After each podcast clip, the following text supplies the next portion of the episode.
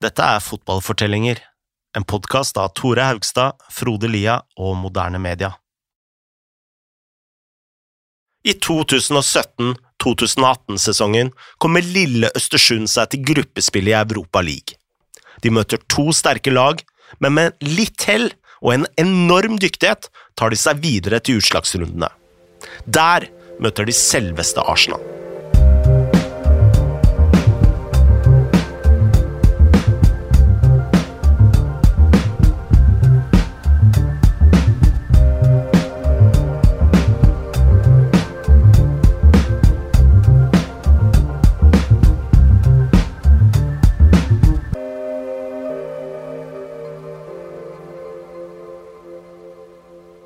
Var tydeligvis ikke nok for Graham Potter å være i Europa League.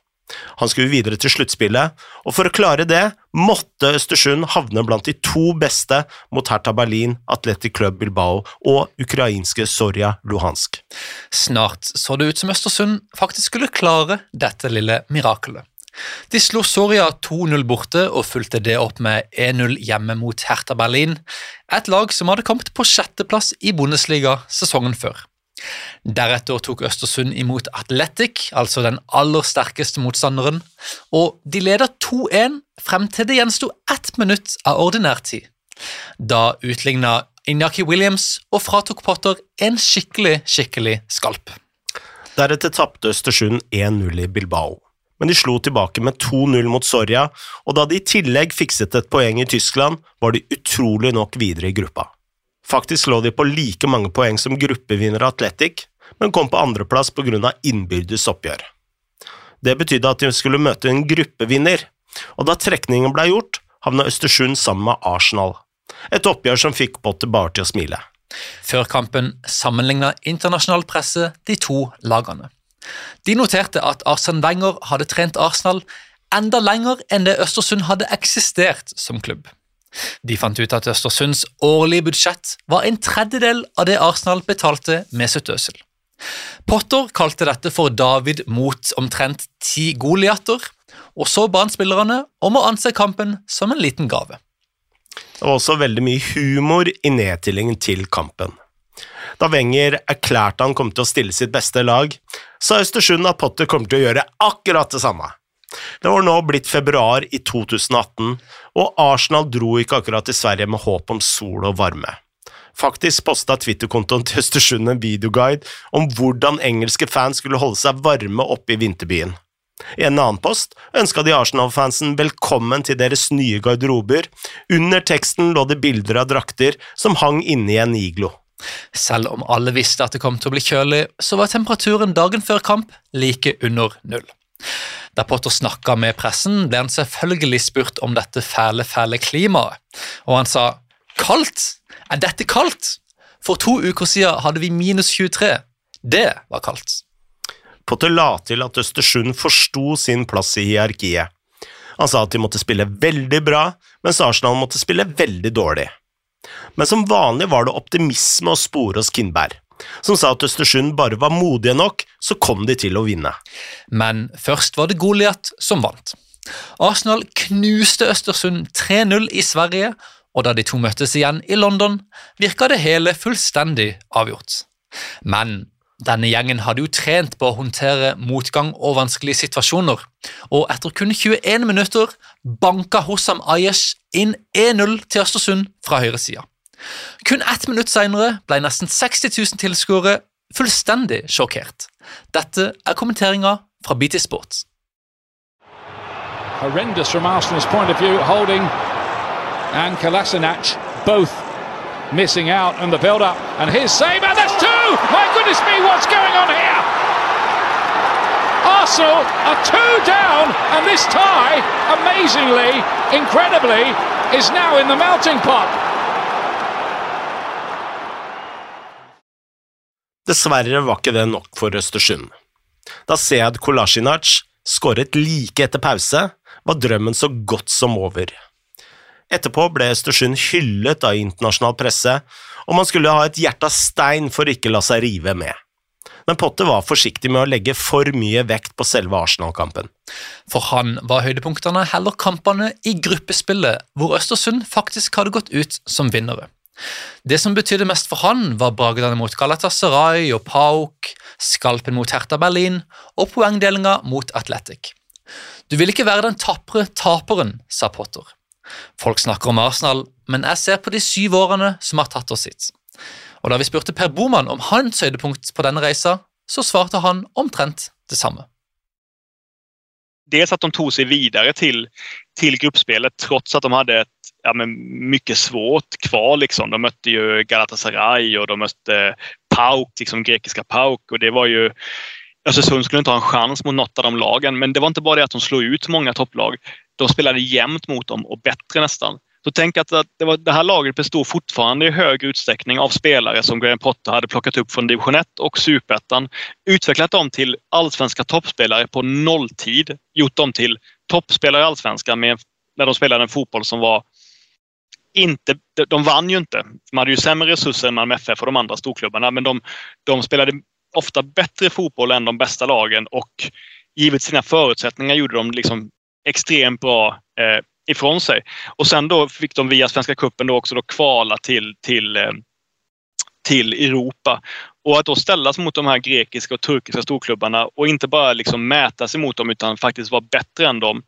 Och sen också i själva Europa League eh, amen, vara bättre än, än Athletic Bilbao, eh, vara bättre än Hertha Berlin, vara klart bättre än det här eh, ukrainska laget Luhansk. Eh, det var eh, ja, men det var mindblowing faktiskt för alla som följde svensk fotboll. Och vid den här tiden började väl en del störa sig lite på Östersund också. Jag vet ju att det var framförallt då från storstadsklubbarna så började folk känna att nu får ni ju sluta gulla med de här. Liksom. De var ju alla, många började känna att började kanske inte spy, men började, började störa sig på att de här, eh, det här poplaget, på det här, det här nya laget skulle få så otroligt mycket beröm hela tiden. Men kollar man på det de gjorde rent fotbollsmässigt med det laget i, i Europa eh, 2017 så går det inte annat än att, än att häpna över, den, över de prestationerna. De var klart bättre än Atletico Bilbao över två matcher, ty tyckte jag då spelmässigt. De var klart bättre än Hertha Berlin och de var klart bättre än det här ukrainska laget. Och det ska inte gå egentligen. Så att, eh, det var verkligen höjdpunkten. Europaligaen ble det siste kapitlet i eventyret om Graham Potter og Østersund. Han hadde lyst til å vinne ligaen og spille Champions League, men da han fikk et tilbud fra Swansea om å bli trener der sommeren 2018, så sa han ja. Han pratet senere om hvor stolt han var av sine syv år i Østersund. Nå løp barna rundt i Østersund-drakter, og det fantes fotballskoler i byen. Kona Rachel ble ikke lenger spurt om hva hun gjorde i Sverige. Faktisk hadde Potter gitt et intervju hvor han hadde snakket om hvor mye hun betydde for ham. En kamp litt senere holdt fansen opp en banner som takka henne. I 2018 var altså Potter i Swansea City, klubben han hadde fulgt så tett da han jobba i Hull. Noen trodde kanskje det var en lettelse for Potter å endelig komme seg ut av iskalde, mørke Østersund, men Potter sa at det var minst like vanskelig for han å flytte tilbake til Storbritannia som det hadde vært å flytte bort. Sønnen Charlie hadde vokst opp i Sverige og gått på skole der. Potter og Rachel hadde også fått tvillinger som var født i Østersund. Og Potter sa også at om man var et barn på ja, syv år i Sverige, så brukte man tida til å leke oppe i trær. I Storbritannia så satt man bare bak en pult og tok eksamener.